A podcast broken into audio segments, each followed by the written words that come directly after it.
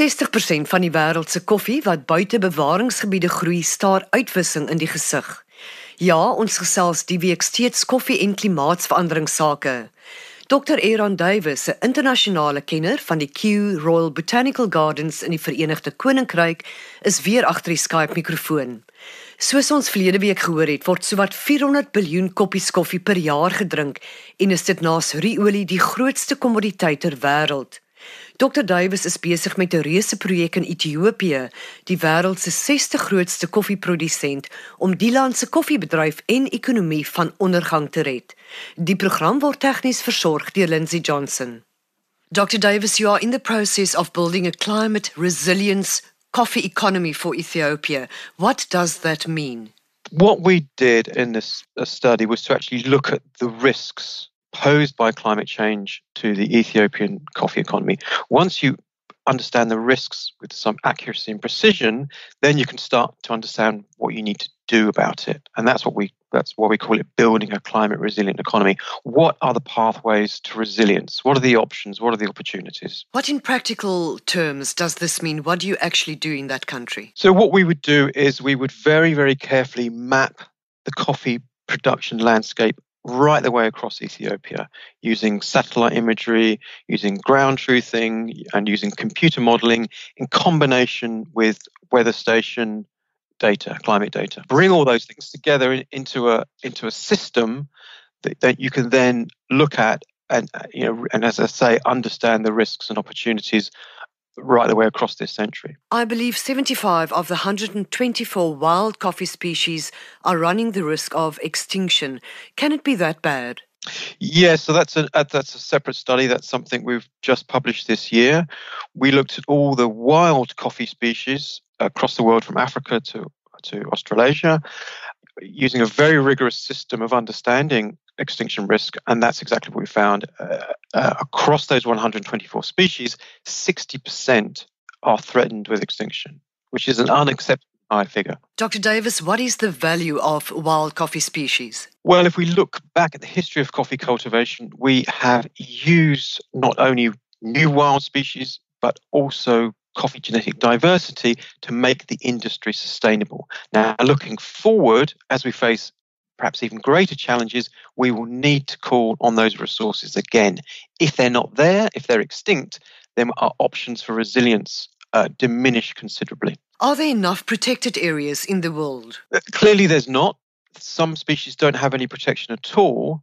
And also, some of those protected areas, those, those reserves, um, are not managed in a way that, that is effective enough for the conservation measures that, that are required for those coffee species. Is there some organization, some umbrella body that can actually start looking at that? There are bodies and organizations that look at the conservation of uh, genetic resources for food plants, and hopefully the study will, will start the momentum on, on this to actually look at um, more effective conservation me- methods for wild coffee species. Dr. Davis, we touched on this in our previous conversation.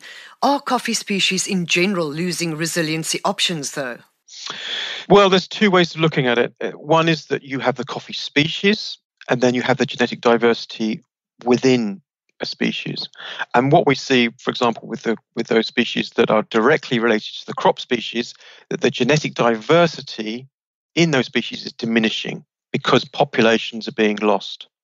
So, yes, some species are losing uh, genetic diversity, and, and by losing genetic diversity, you may lose uh, some of the attributes that may enhance resilience. The series is about climate change. Is it rising temperatures? What is the main concern? I think a lot of emphasis is, is, has been placed on just rising temperatures, but that's not the sole issue. It's, it's reduction in rainfall but also the, the variability of rainfall patterns. To return to your work in Ethiopia, would other countries be able to apply the techniques and practices used by your team in that country? Absolutely. We uh, those those methods that we use, the approaches that we use, could be applied to any coffee producing countries, and we'd definitely be worth uh, undertaking. So we've spoken about the fact that there may be a risk of quantity declining. What about quality? Will coffee still taste the same?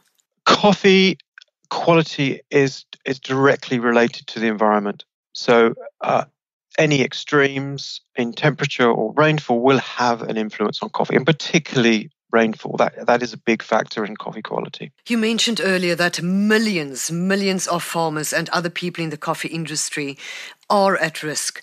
How serious is the threat to Ethiopia's economy should the coffee industry not survive climate change? Well, what we st- what we say in our study is that if Ethiopia was to carry on uh, business as usual, if they weren't able or willing to adapt uh, according to the climate change projections and the pathway that we that we recommend, then coffee production would severely decline, and that would have a massive impact on on the the economy of Ethiopia because coffee provides something like 25% of the country's export earnings. That drives the rest of the, of the economy. Do you believe climate change in general can be combated, or is it a matter of a little too late? I think we can devise uh, certain routes to, to resilience. Uh, we, you know, we can do that in Ethiopia.